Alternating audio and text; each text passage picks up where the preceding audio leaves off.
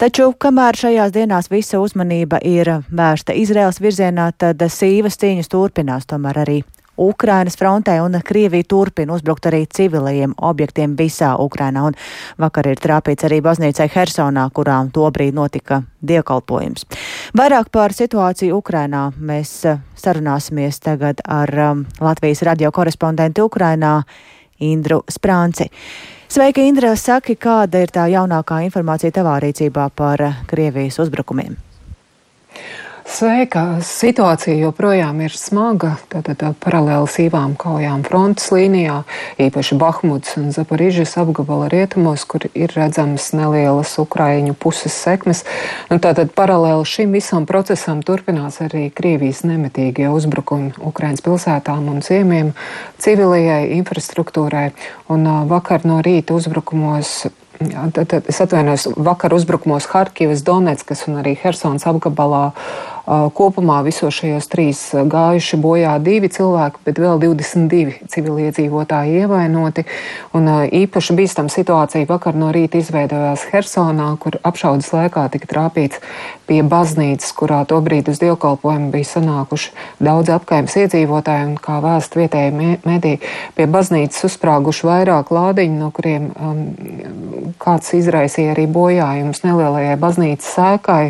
Un no uzbrukuma brīdī cilvēki bija cieši saspiedušies kopā un viens otru ar saviem ķermeņiem sargājuši. Uzbrukuma rezultātā ievainojums guvuši divi baznīcas apmeklētāji. Viņiem pirmā palīdzība jau turpat uz vietas arī sniegta un vēlāk viņi nodot mediķiem, bet kopumā vakar Hersonā ievainojums guvuši 19 cilvēki, tajā skaitā 12 gadus vecs bērns, bet viens vīrietis nogalināts.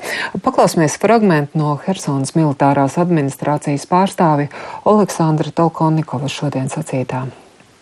За вчорашній день майже 300 снарядів вони випустили. Kopumā vakardienas laikā uz Hersonu raidīti jau pat 300 lādiņiem no dažāda veida ieročiem, izmantoti mīnmetēji, artilērija, tāpat arī aviobumbas. Aizdītajā naktī virs Berislavas jau nomestas četras aviobumbas. Šobrīd tiek apzināti postījumi. Руйнування та постраждання. Piebildīšu, ka Hersonā un tās apgabalā par spīti ļoti spēcīgiem uzbrukumiem joprojām uzturas liels cilvēku skaits.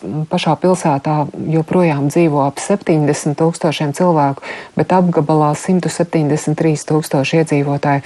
Vietējā administrācija gan ir aicinājusi iedzīvotājus evakuēties no tiem bīstamākajiem rajoniem, kur visbiežāk un visregulārāk notiek apšaudas, taču evakuēt izdodas tikai nelielu skaitu, daudz, diemžēl, atsakās. Jāsaka, noteikti notiekošais Izrēlā nav palicis nepamanīts arī Ukrainā. Kā Ukraina uz šo reaģē? Jā, Ukrainā ļoti, ļoti rūpīgi seko līdzi Izrēlā notiekošiem. Gan augstākās amatpersonas nepastarpināti tur rokas pulst tur notiekošiem, gan arī vakar Kīvā atsevišķi sēkas tika izgaismots Izrēla, Izrēlas karoga krāsās. Nu, kā atzīmēja Ukrainas prezidents Volodimirs Zelenskis, jebkurā vietā uz pasaules katrs, kurš nes šausmas un nāvi, ir jāsauc pie atbildības, un Ukraina kopīgi ar partneriem darīs visu iespējamo, lai to panāktu.